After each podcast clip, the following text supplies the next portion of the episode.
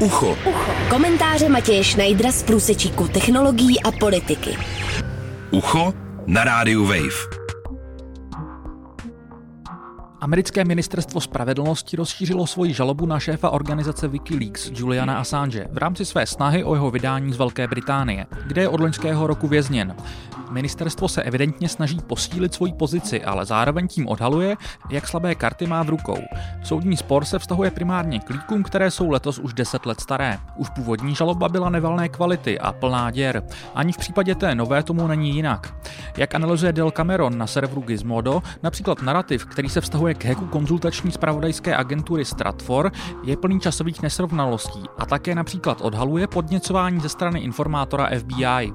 Ministerstvo se zjevně snaží pomocí nových tvrzení postílit vykreslení Assange jako hackera a celých Wikileaks jako zločinecké organizace. Pojďme si proto zopakovat pár základních věcí o americké žalobě na Assange. Šéf Wikileaks byl americkým ministerstvem spravedlnosti obžalován loni. V jádru žaloby nestojí nic, co by se týkalo prezidentských voleb, ve kterých byl zvolen Trump, ale komunikace s Chelsea Manning a líky týkající se válek v Iráku a Afghánistánu. Ty pomohly odhalit celou řadu případů porušení lidských práv a také například tisíce předtím veřejně nezdokumentovaných civilních obětí v obou zemích. Obamově administrativě byl Assange vždy velkým trnem v oku. Žalobu na ní ale zamítla s tím, že by jeho odsouzení ohrozilo svobodu tisku ve Spojených státech. Obamovo ministerstvo spravedlnosti nepřišlo na způsob, jak narýsovat legální hranici mezi činností Wikileaks a v uvozovkách běžnou novinářskou prací.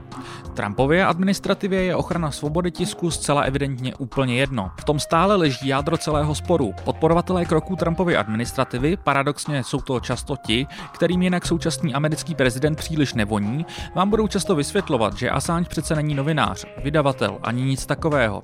Podle nich je hacker a měl by sedět. V horším případě ještě přidají nějaká osobní invektiva a nesympatie, které by snad ve slušné společnosti vůbec se soudním procesem neměly souviset. Předmětem soudu není to, jestli jsou Wikileaks morálně na výši, ale jestli jejich zakladatel porušil zákon a pokud ano, co to znamená pro kohokoliv vydávajícího informace. Žaloba na Assange stojí na naprosto běžné novinářské praxi ochrany zdroje. Ona to opravdu není náhoda, že se Obamova administrativa přes veškeré své vady této možnosti zalekla.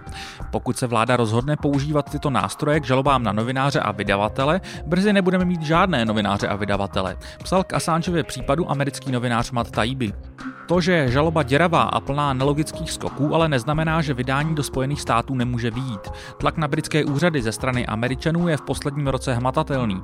Je v celku smutné sledovat, jak velká část mediálního prostoru řeší aktuální dění ve Spojených státech. Vzduchem létají obvinění z cenzury. Z cancel culture se stal všeobecně známý pojem.